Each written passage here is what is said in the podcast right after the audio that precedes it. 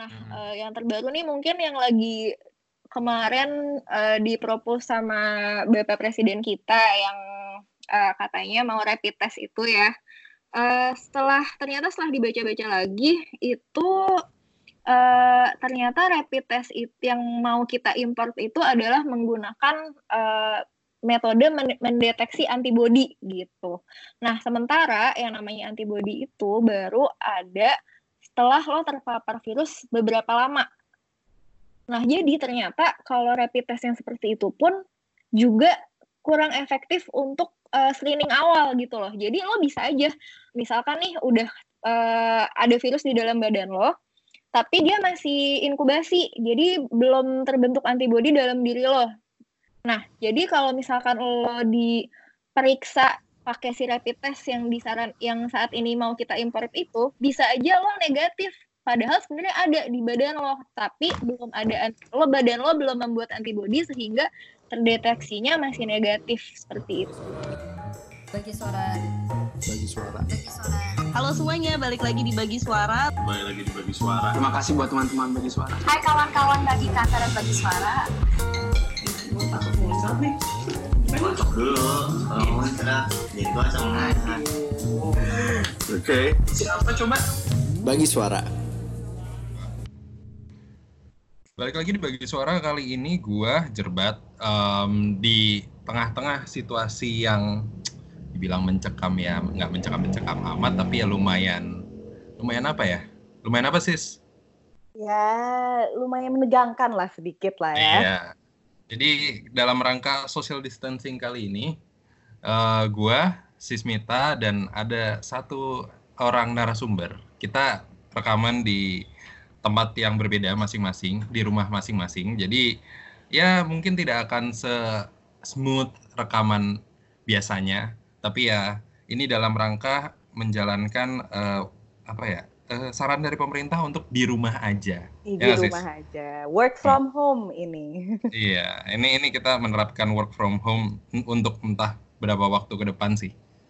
Gitu. Nah, kali ini kita akan ngebahas tentang ya pandemik ini sih, uh, tentang corona ini atau mungkin disebut juga COVID-19 bersama salah satu uh, rekan rekannya Sismita, kenalannya Sismita yang memang juga berprofesi sebagai dokter. Coba mungkin Sis bisa diperkenalkan. Boleh. Sekarang uh, gue sama salah satu teman lama gue. Um, gue sih nyebutnya nggak bu dokter ya, karena dia teman gue. Jadi gue nyebutnya by name aja.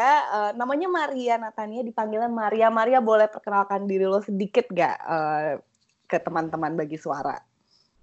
Halo semuanya, saya Maria. Saya uh, dokter internship yang saat ini lagi bertugas di salah satu RSUD di Jawa Barat. Seperti itu. Uh,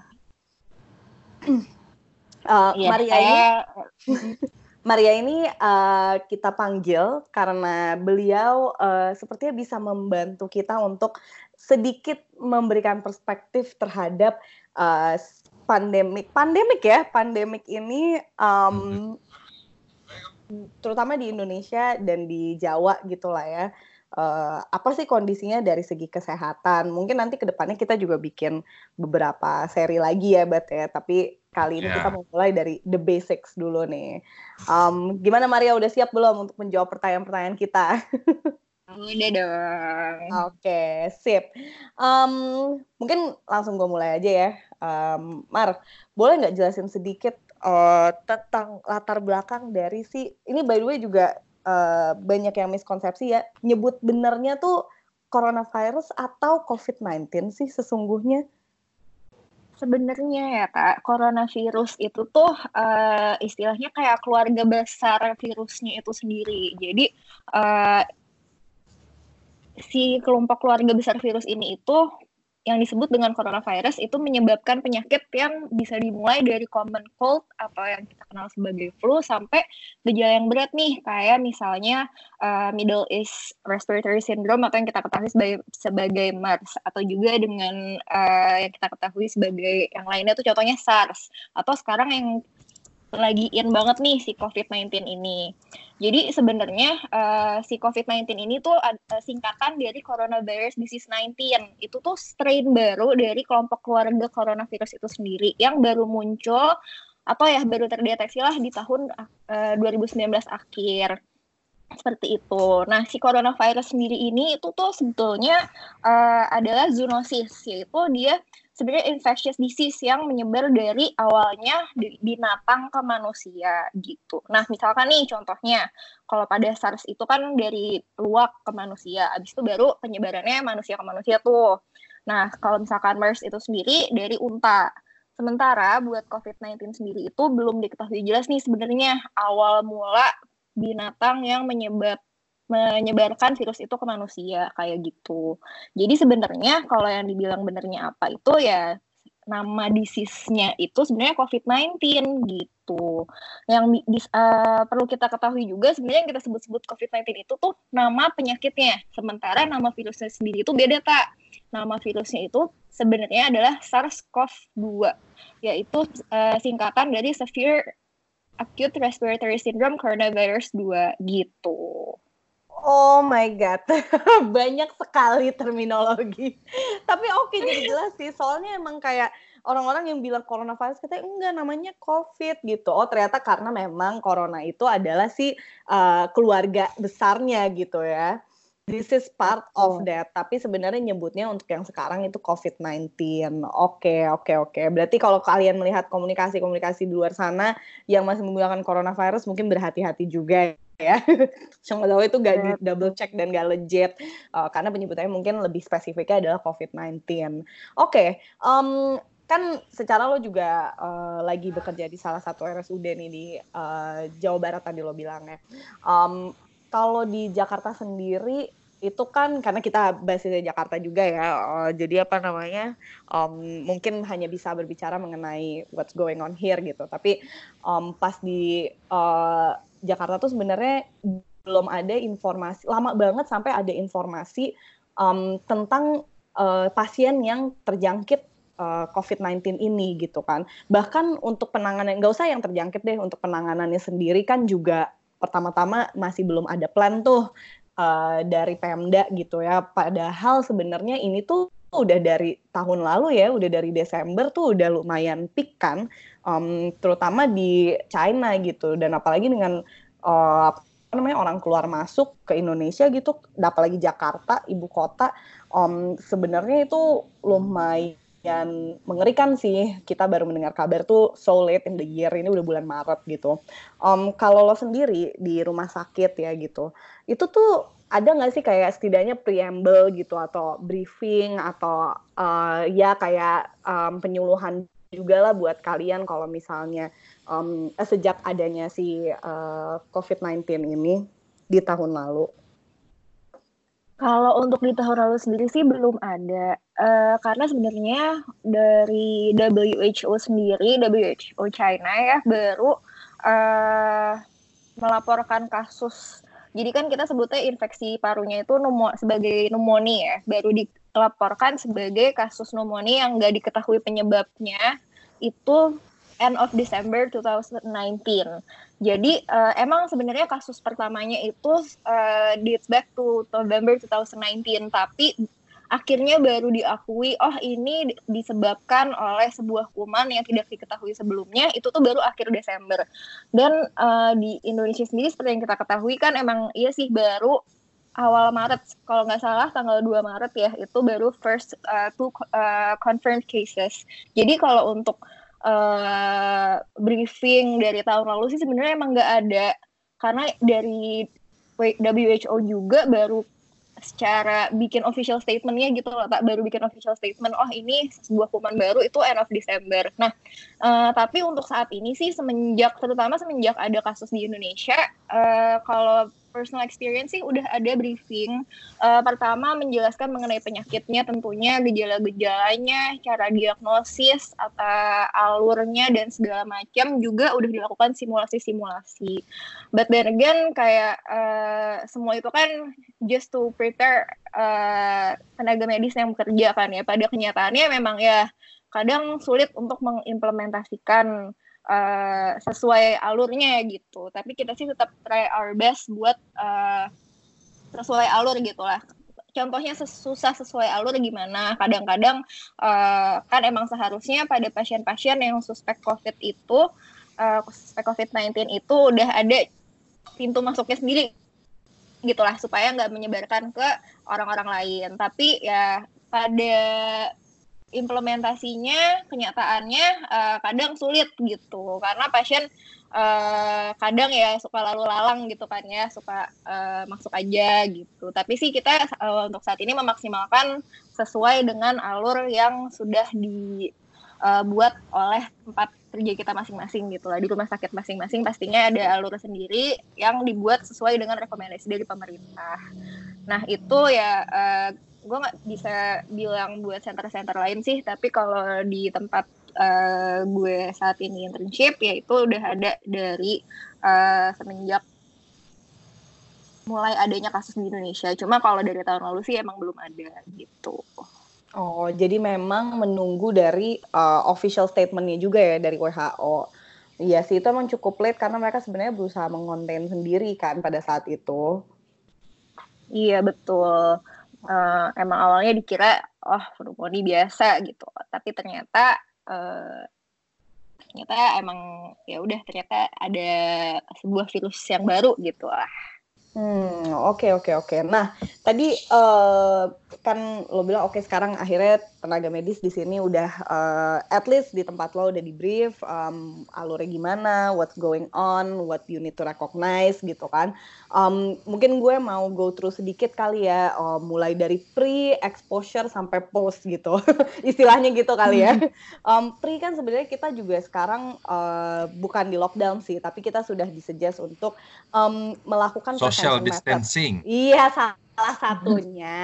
Hmm. kita disuruh, sudah disuruh melakukan prevention methods nih, terutama di DKI lah ya kalau uh, ngomongin saat ini locality kita gitu di Jakarta udah um, diberlakukan uh, beberapa prevention method. Salah satunya misalnya kayak um, work from home, juga sekolah sudah diliburkan, kampus-kampus juga banyak yang me, apa namanya me, me, memindahkan kelasnya menjadi virtual gitu.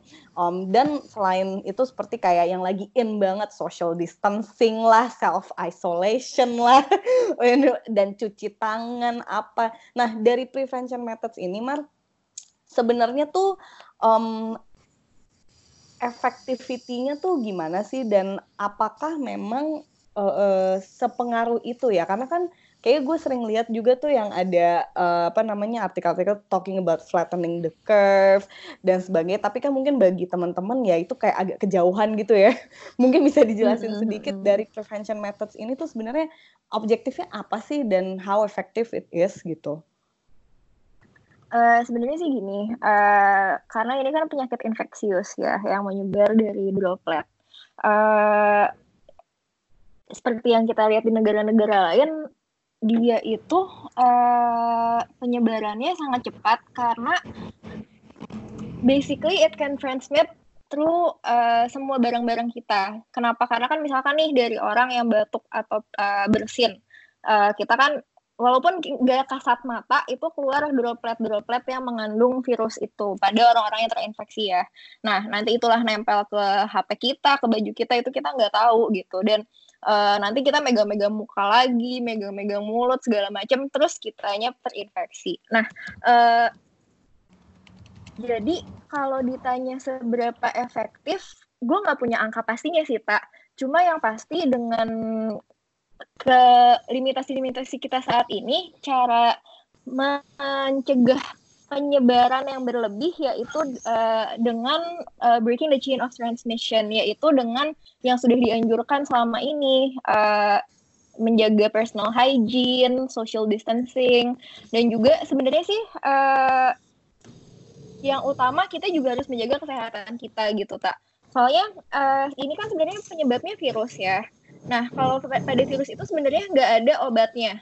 Nggak ada obatnya itu maksudnya gimana? Kalau misalkan infeksi bakteri, ada antibiotik. Sementara kalau infeksi virus, sebenarnya itu harus imunitas badan kita sendiri yang melawan, gitu. Jadi, uh, ya itu kita harus jaga kesehatan dengan gimana? Olahraga yang cukup, Udah gitu harus tidur yang cukup, jaga makan, hindari uh, gaya-gaya hidup yang gak sehat. Contohnya uh, merokok, minum alkohol, atau makan junk food itu.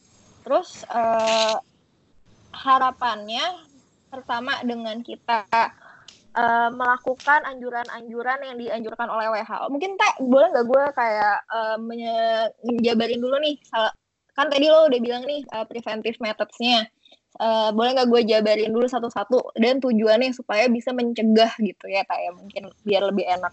Boleh, uh, boleh, boleh, jadi, boleh. Mm, jadi nih uh, kan emang anjuran dari WHO itu kita harus uh, pertama mungkin yang lagi dari paling ngetren deh kan kita harus maintain social distance. Uh, itu buat apa sih? Kita harus maintain social distance, apalagi specifically kalau dari WHO itu yang disuggest at least one meter between yourself dan orang lain gitu kan sebenarnya itu tuh karena kalau misalkan orang itu uh, bersin atau misalkan uh, batuk, nah itu tuh droplet yang kita keluarkan itu jaraknya uh, kira-kira satu meter. Jadi lo kalau misalkan mau aman dari droplet-droplet yang diproduksi sama orang lain, itu jaraknya satu meter itu. Cuma kan ya pada kenyataannya uh, dia bersin apa segala macam mungkin aja nempel ke barang mana, terus kita pegang, terus ada di kita gitu kan. Nah, terus uh, makanya juga dianjurkan untuk cuci tangan uh, se frequently mungkin. Dan itu juga harus dilakukan dengan benar, yaitu dengan alcohol based hand rub atau dengan soap dan running water.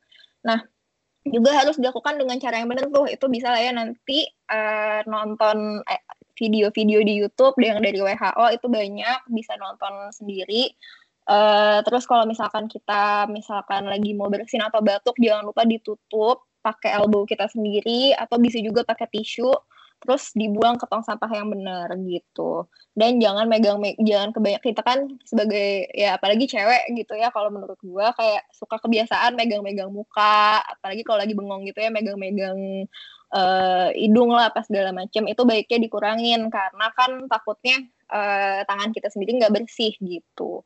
Nah, uh, terutama juga selain hygiene, social distancing men dan menjaga kesehatan diri kita sendiri, itu ya baiknya kita emang kalau misalkan terutama nih misalkan kita udah ngerasa nggak enak badan, nggak enak badan tuh gimana? Misalkan pusing-pusing uh, atau mulai pilek-pilek, uh, sumang-sumang, ya itu baiknya kita di rumah aja gitu supaya kita nggak menyebarkan virus-virus yang ada di kita ke orang lain gitu.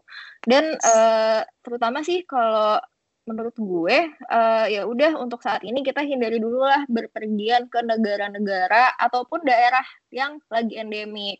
Seperti kalau di Jakarta contohnya uh, eh maaf kalau di Indonesia contohnya itu Jakarta Banten Jawa Barat kayak Bekasi kota Bekasi Depok atau untuk di Jawa Tengah seperti kota Solo. Nah, ini pokoknya daerah-daerah dengan yang lagi endemik ini bisa diakses di websitenya Kemenkes.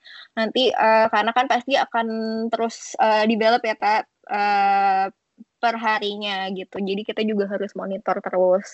Nah, uh, untuk se seperti yang gue bilang tadi, kalau seefektif apa, uh, gue nggak punya angka pastinya sih. Tapi yang pasti uh, dengan kita menjaga hygiene kita dengan kita punya uh, sikap batuk, etika batuk yang benar, dengan kita membatasi pergerakan kita secukupnya. Bukannya berarti nggak boleh sih, cuma uh, kalau misalkan tidak penting-penting banget, nggak usah lah gitu, ya pasti uh, obviously kita akan mencegah penyebaran si virus itu sendiri gitu. Uh, karena seperti yang lo bilang tadi kan ada video tuh yang beredar flattening the curve, ya kan tak? Nah, di, jadi di video itu tuh, tuh menggambarkan kalau misalkan kita nggak melakukan social distancing, kita nggak uh, melakukan proper hand hygiene dan lain-lain yang ditakutkan itu kasusnya membludak tiba-tiba banyak.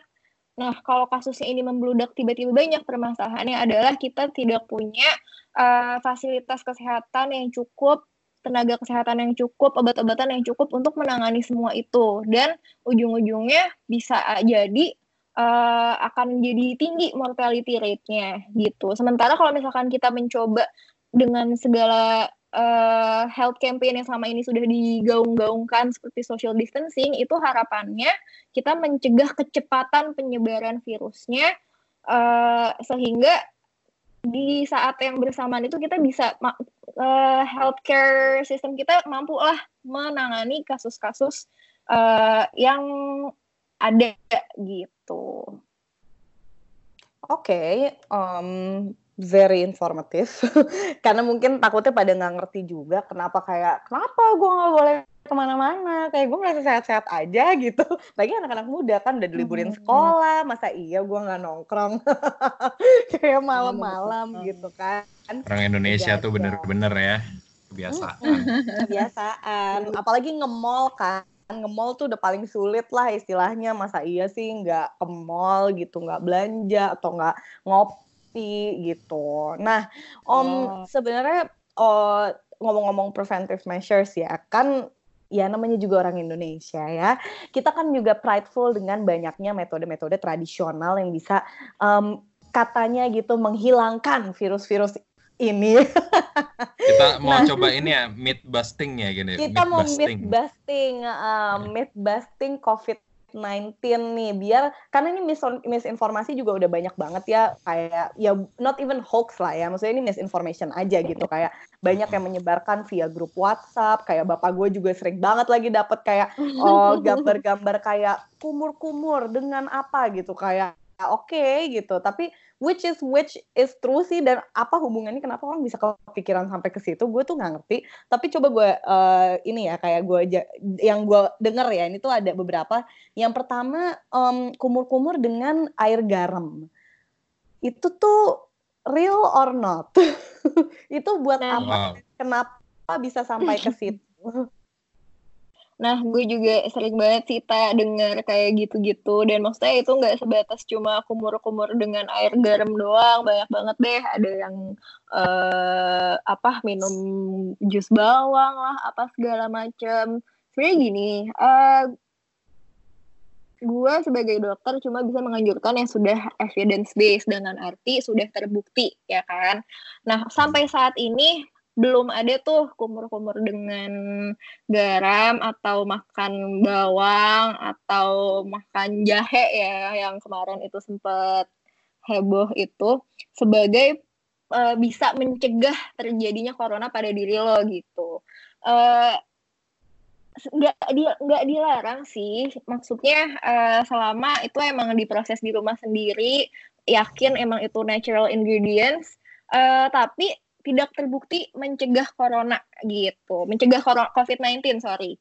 Uh, yang gua yang selama ini baru update terbaru itu justru adalah uh, vitamin C tak justru yang uh, dianjurkan untuk dikonsumsi sebagai preventif. Nah, preventifnya itu maksudnya apa? Jadi vitamin C itu emang banyak banget properti bagusnya. Jadi itu membantu imun sistem kita untuk lebih kuat gitu. Justru uh, kalau dari rekomendasi yang terbaru itu vitamin C uh, 2500 mg per hari itu bisa membantu imun sistem kita untuk melawan si COVID-19 ini gitu. Jadi kalau ditanya kalau kumur-kumur dengan garam efektif gak sih? Uh, jawabannya belum terbukti gitu. Hmm, ya ya ya. Sebenarnya terus, metode metode ini ya, memang uh, belum ada yang meriset juga.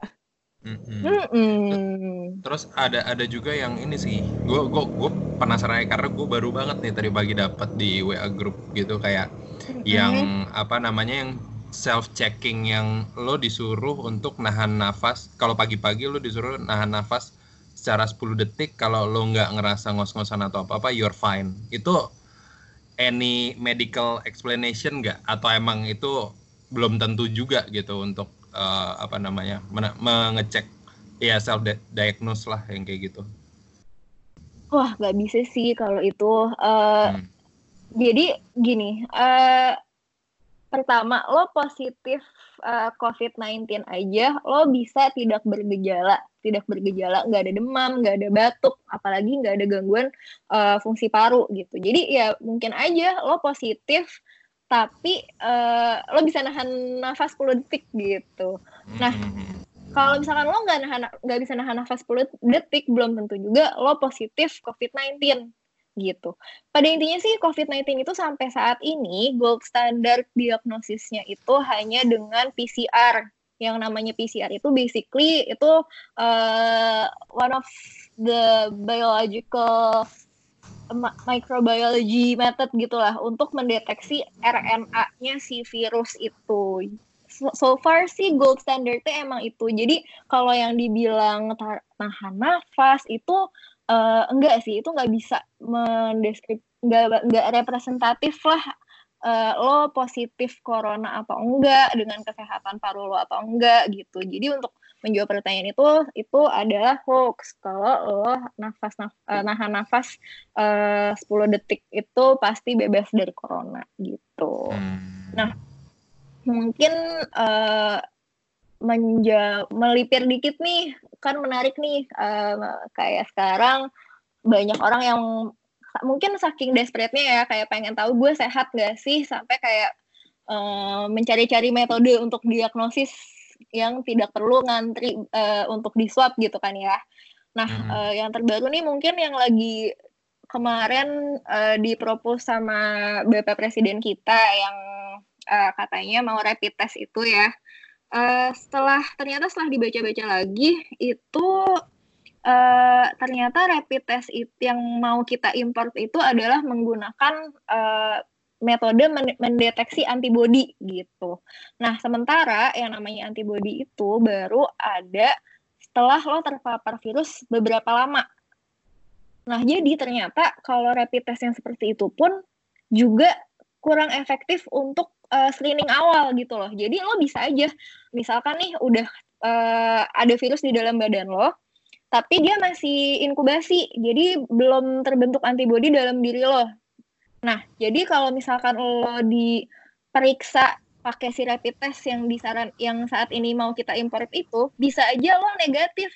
Padahal sebenarnya ada di badan lo, tapi belum ada lo badan lo belum membuat antibodi sehingga terdeteksinya masih negatif seperti itu. Jadi ya emang banyak limitasinya sih sampai saat ini untuk diagnosis emang yang disarankan oleh WHO masih si uh, ini PCR itu yang gue jelasin tadi.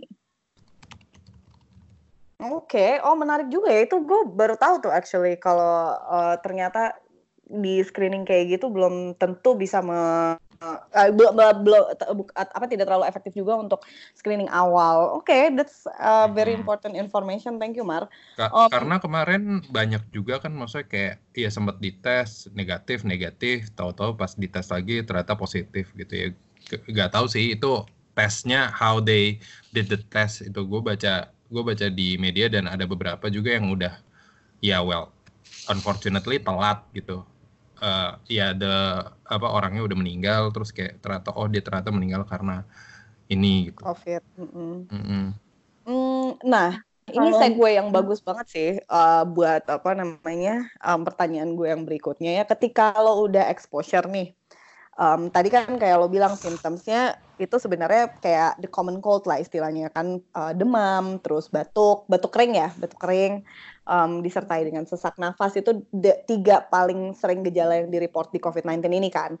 Um, misalnya hmm. nih uh, apa namanya lo udah expose uh, ya istilahnya kan kita nggak tahu ya udah expose atau enggak sorry tapi um, lo merasakan ada tiga symptoms itu gitu um, itu tuh kalau di sini di Indonesia gitu ya kayak gue mau minta di tes tuh bisa langsung aja nggak sih? Kayak ke rumah sakit terus gue minta dites atau tetap harus kayak walaupun gue udah ada symptoms tetap harus oke okay, lo self isolate dulu atau gimana gitu. Uh, penanganan itu sebenarnya kayak gimana sih? Kayaknya ini juga banyak nyaru deh.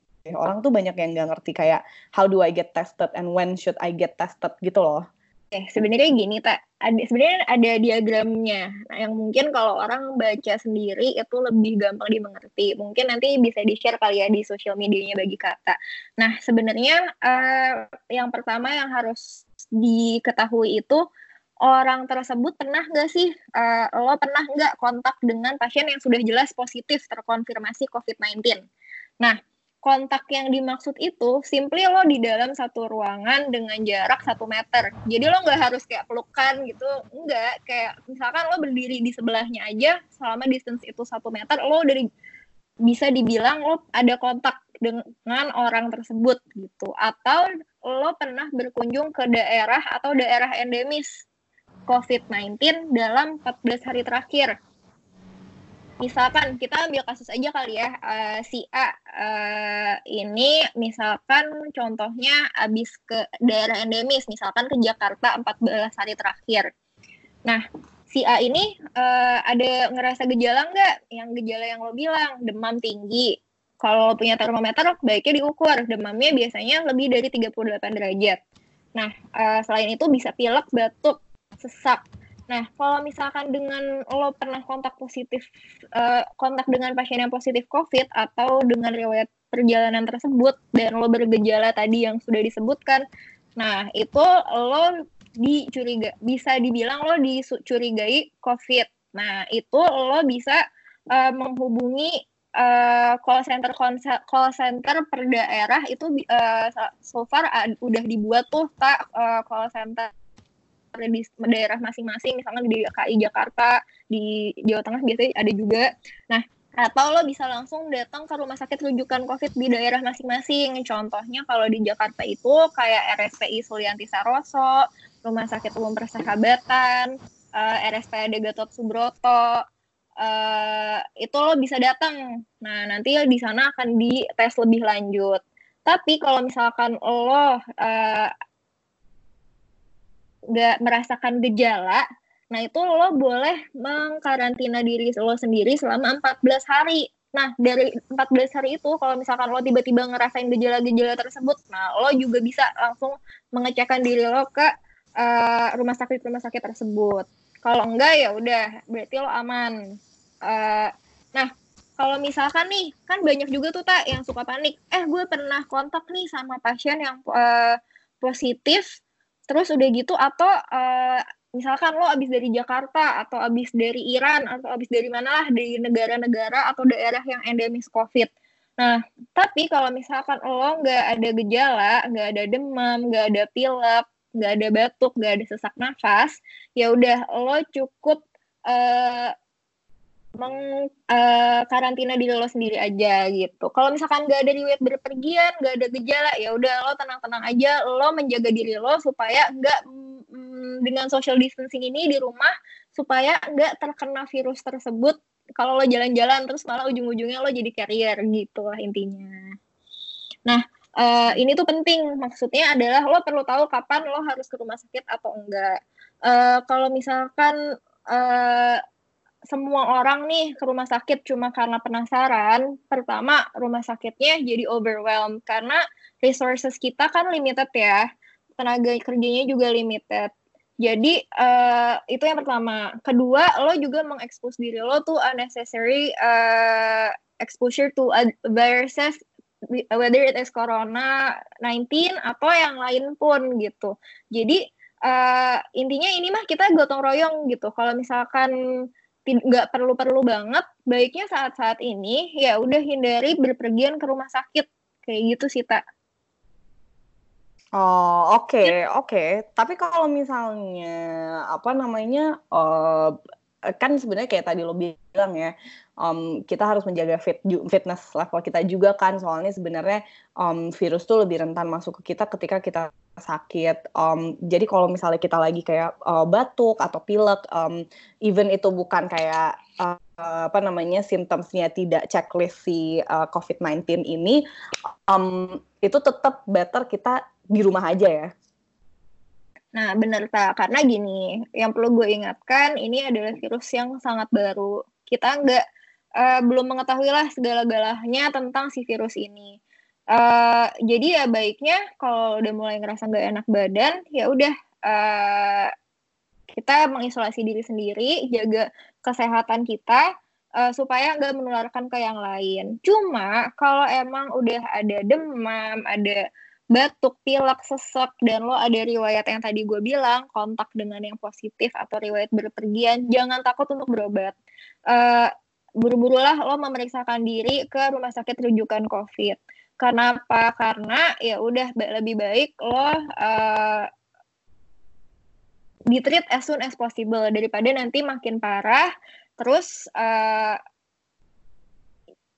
akan lebih susah nanti nanganinnya kalau lo datang dengan kondisi udah lebih parah gitu. Jadi lo harus mengenali kalau memang udah ada riwayat kontak, riwayat berpergian uh, ke daerah-daerah endemis dan lo punya gejala-gejala itu ya udah langsung aja ke rumah sakit yang tadi udah gue bilang. Itu bisa lo cari juga di sosial media udah banyak. Cuma ya kalau emang kayak yang tadi kayak Sisnita bilang kalau yang uh, sakit-sakit kepala uh, terus sumang-sumang ya udah. Pokoknya saat ini semua yang mulai nggak enak nggak enak badan baiknya mengisolasi diri di rumah pun jaga, eh, menjaga jarak dari keluarga. Dan tentunya uh, personal hygiene-nya tetap dijaga. Gitu sih tak dan apakah om kan kemarin juga sempat ada yang uh, nulis juga ya tentang lansia dan anak-anak om lansia tuh katanya lebih rentan ya untuk kena uh, apa namanya COVID-19 ini atau gimana ya gitu? Gue uh, need clarification juga sih ini. Sebenarnya gini, uh, semua orang itu bisa kena corona karena ternyata uh, banyak bukan banyak uh, bisa uh, lo nggak menimbulkan gejala tapi ternyata lo positif gitu. Uh, Cuma permasalahannya di orang-orang yang usia tua atau orang-orang yang imunitasnya nggak kuat itu adalah yang gejalanya uh, berat gitu loh tak. Jadi uh, justru orang-orang di kelompok inilah orang-orang usia tua, orang-orang dengan penya banyak penyakit penyerta itu yang paling harus kita jaga jangan sampai mereka terinfeksi uh, si COVID-19 ini. Karena kalau sampai kena dengan imunitas mereka yang sudah menurun, si COVID-19 ini bisa jadi penyakit yang uh, severe gitu, yang udah berat banget untuk parunya gitu. Makanya uh, bisa aja sebenarnya uh, kita nih sehat-sehat aja, tapi ternyata positif gitu kan. Jadi sebenarnya nggak kalau dibilang COVID-19 cuma mengenai orang tua tuh sebenarnya nggak benar gitu. Semua mengenai semua usia bisa, cuma di orang-orang dengan imunitas yang baik itu bisa tidak bergejala. Masalahnya saat itu terkena orang-orang yang tua, orang-orang yang imunitasnya menurun. Orang-orang imunitasnya menurun itu banyak. Misalkan uh, orang yang kecapean banget juga bisa imunitasnya menurun. Orang-orang dengan penggunaan steroid jangka lama pada pasien-pasien dengan penyakit autoimun bisa uh, orang-orang dengan penyakit HIV bisa dan uh, kelompok selanjutnya adalah orang-orang dengan banyak penyakit penyerta misalkan hipertensi, sakit jantung, diabetes. Nah, intinya kita harus menghindari orang-orang tersebut terkena karena mereka yang paling rentan untuk si COVID-19 ini. Jadi uh, severe disease gitu. Kalau uh, di kita di usia-usia yang masih 20-an emang kalau positif pun uh, kemungkinan besar cuma gejala yang mild atau malah bahkan asimptomatik gitu sih jadi mungkin salah persepsi di awal oh uh, cuma di orang tua doang itu salah ya. Sebenarnya bisa di semua cuma yang biasanya bergejala berat itu di orang-orang tua. Seperti itu sih tak makanya yang sekarang suka digalangkan kan kita harus memprotek nih orang-orang tua kita nenek kakek kita. Jangan sampai terkena gitu. Karena bisa aja kita sebenarnya positif tapi kita nggak sadar kan kita positif terus kita menginfeksi orang-orang tua kita. Nanti orang tua kita yang malah jadi sakit berat seperti itu.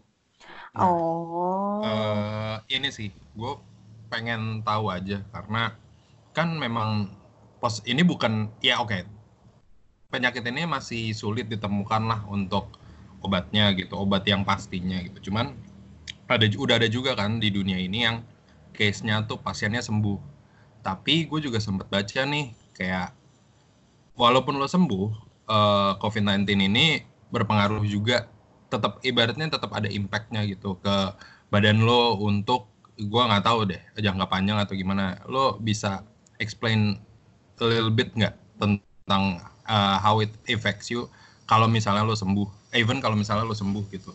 Mungkin vaksin kali ya bukan obat kalau virus soalnya kan Oh iya iya iya, iya. maksudnya ya vaksin lagi di develop kan katanya. Cuma uh. maksudnya ya impactnya after yang mereka-mereka ini pasien-pasien yang dibilang sembuh, tapi apakah ada eh, dampaknya lah kah ke badan mereka untuk setelah itu gitu, untuk dari si COVID-19 ini?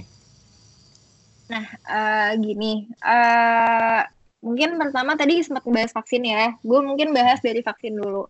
Kalau hmm. untuk vaksin itu, untuk saat ini vaksin COVID-19 belum ada. Nah, uh, emang sempat sempat viral juga tuh biasalah di Indonesia kan ya kayak ini nih vaksin ini supaya mencegah COVID-19 itu tuh nggak benar sebenarnya karena untuk saat ini vaksin-vaksin yang ada itu untuk virus-virus uh, lain bukan vaksin. Uh, jadi kalau mau vaksin sih tidak ada salahnya. Itu melindungi diri lo dari penyakit penyakit-penyakit respiratori lainnya, tapi tidak hmm. mencegah lo uh, untuk mendapatkan si COVID-19 ini. Nah, okay. kalau misalkan nih uh, lo udah amit-amit ya terkena COVID-19 bergejala, emang ada uh, reports yang bilang ternyata kok setelah udah sembuh itu damage your lung gitu kan. Nah, hmm. sebenarnya gini, uh, gue nggak bisa menjelaskan secara jelas kayak faktor-faktor apa sih. Karena kan ada ya orang yang sembuh ya udah sembuh gitu. Tapi ada juga yang jadi uh, lung damage gitu. Nah gue belum bisa nih me menjelaskan kenapa. Karena ini masih very early gitu loh. Report yang bilang uh, oh ternyata bisa terjadi damage itu juga baru seperti yang gue bilang sih susahnya si virus ini karena dia baru banget jadi semua data-datanya itu baru dan uh, dengan kalau seperti itu itu perlu uh,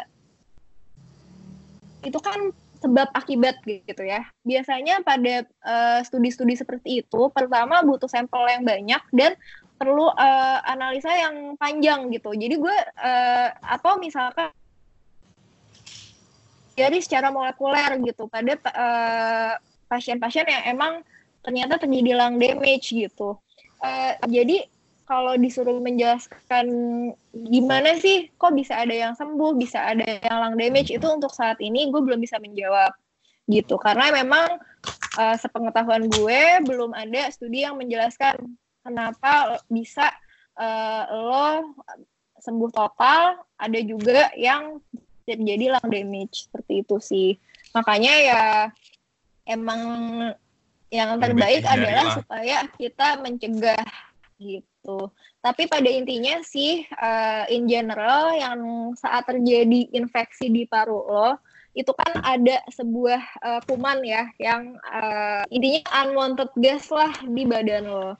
Itu akan terjadi proses inflamasi. Nah, kalau yang namanya proses inflamasi mungkin aja uh, bisa mengganggu maksudnya efek sampingnya bisa mengganggu jaringan-jaringan yang di paru lo gitu. Secara general sih gitu. Cuma gue nggak bisa bilang itu yang terjadi di pada pasien-pasien COVID-19 yang ternyata terjadi lung damage atau enggak. Uh, itu gue nggak tahu gitu. Jadi ya itu sih pada intinya untuk saat ini belum diketahui kenapa bisa terjadi lung damage pada beberapa pasien yang sudah sembuh COVID-19 kayak gitu. Nah, kan sebenarnya juga uh, eh, gue baru baca kalau ada yang uh, pasien udah sembuh, terus dia terjangkit lagi. Itu tuh bener gak sih uh, adanya? Uh, iya, gue juga sempat baca sih. Uh, terjadi, jadi dibilangnya reinfeksi gitu ya. Uh, Sebenarnya sih gini, uh, karena dia virus yang baru banget, nggak tahu juga apakah dia bisa mutasi dan ter, terbentuk strain baru atau uh, terus dia terinfeksi lagi oleh virus yang strain baru itu atau uh, karena si orangnya itu uh, udah sembuh tapi ternyata virusnya cuma dorman gitu. Tapi uh, kasusnya sih belum banyak ya yang di reinfeksi itu. Gue juga belum terlalu banyak baca-baca soal kasus reinfeksi itu. Cuma uh, iya sih emang gue pernah baca ada gitu. Tapi uh, untuk angka pastinya berapa banyak yang reinfeksi dan lain-lain itu juga uh, sorry kalau gue salah uh, mohon koreksinya. Tapi gue juga belum mendapat angka pastinya gitu loh dan ya susah yang seperti lagi harus gue ulang karena ini virus baru kita belum tahu gitu loh. Karena misalkan nih kalau demam berdarah gitu ya demam berdarah itu uh, ya itu kita udah tahu banget lah di negara kita endemik banget yang namanya demam berdarah. Nah dan demam berdarah itu emang ada beberapa uh, strainnya gitu. Makanya bisa berapa kali sakit demam berdarah. Nah kalau untuk si coronavirus ini sendiri karena dia sangat baru banget. Jadi uh, belum kita ketahui juga sih kenapa sih orang itu bisa terjadi infeksi. Tapi emang benar gue juga pernah baca itu benar terjadi gitu. Tapi untuk angka pastinya uh, belum gue belum pernah baca ada berapa kasus uh, so far dan eh, apa faktor-faktor penyebab terjadinya reinfeksi itu pun belum setahu gue dari WHO juga belum pernah membahas gitu faktor-faktor yang menyebabkan bisa terjadinya reinfeksi tersebut gitu. Oke, okay, oke. Okay. Jadi belum um, banyak riset lagi-lagi ya. Um, buat vaksin aja juga belum pasti, apalagi buat hal, seperti ini ya. Oke, okay, oke. Okay. Iya. Um, mungkin dari gue sih uh, sekian ya penasaran gue mengenai si COVID-19 ini. Semoga in, sesi ini sangat membantu untuk teman-teman uh, yang masih bingung uh, seputar COVID-19, myth busting juga untuk metode-metode pencegahannya. Um, dan beberapa informasi tambahan yang mungkin banyak yang nggak ngerti kenapa gue harus melakukan uh, social distancing ini sih ya. Di zaman kayak gini yang mana kayak orang-orang nggak pasti kalau udah libur mau maunya main gitu kan. Um, kalau dari lo bet gimana? Ada tambahan lagi mungkin? Gue bingung. Bukan bingung sih lebih ke ya semakin semakin apa ya semakin apa ya naikin aware juga gitu buat ya buat diri sendiri dan apalagi buat keluarga sekitar terutama yang kayak tadi udah sempat dimention juga orang-orang yang um, secara usia udah jauh lebih tua juga gitu untuk ya jangan sampai amit-amit lah terkena dengan COVID-19 ini. Um, mungkin kalau dari segi kesehatan uh, udah cukup lah. Setidaknya basic-basicnya yang harus kita ketahui dan how we prevent it while ya belum ada kejelasan dengan vaksin uh, atau apa pun medical yang bisa menjamin secara besar untuk kesembuhan atau menghindari juga. Gitu. Mungkin juga e episode setelah ini itu mungkin ada beberapa episode bagi suara uh, yang akan membahas karena walaupun ini uh, kesehatan tapi karena ini pandemik jadi impactnya nggak cuma di kesehatan kan sis ya sampai ke ya ekonomi Betul. juga ya, uh, banyak ya. bisnis juga gitu ya mungkin habis ini ada beberapa episode yang kita akan membahas gimana eh, bagaimana corona ini bisa eh, berdampak kepada aspek-aspek lain lah di luar kesehatan gitu. Betul sekali. Apalagi ini katanya coronavirus recession is beginning already. Menarik banget untuk topik berikutnya yang akan kita ulas. Kalau kalian ada pertanyaan juga teman-teman bagi suara mengenai COVID-19 maupun apa sih efek uh, jangka panjangnya bagi faktor-faktor lain yang ingin kalian dengar, um, boleh langsung aja komen di Instagram kita nanti um, atau langsung chat ke bagi kata at bagi kata. Um, gunakan at saat kalian menambahkan teman di line. Um, kita cuma ada di line untuk saat ini. Um, dan silakan sampaikan ke handler kita uh, apa yang ingin kalian dengar dari bagi suara edisi COVID-19 berikutnya. Um, dari kita segini dulu dulu kali ya Bet ya. Sampai bertemu yes. di episode berikutnya. Thank you banget Maria eh, atas thank waktunya you, Maria. Bu Dokter. sehat selalu, selalu aman ketika bertugas. Uh, jangan hmm, lupa gunakan masker, cuci tangan. Gak perlu ini kalau ke dokter ya. Aduh, iya kadang. Okay. Thank you. Oke, okay, sekian bagi suara kali ini. Sign out, bye.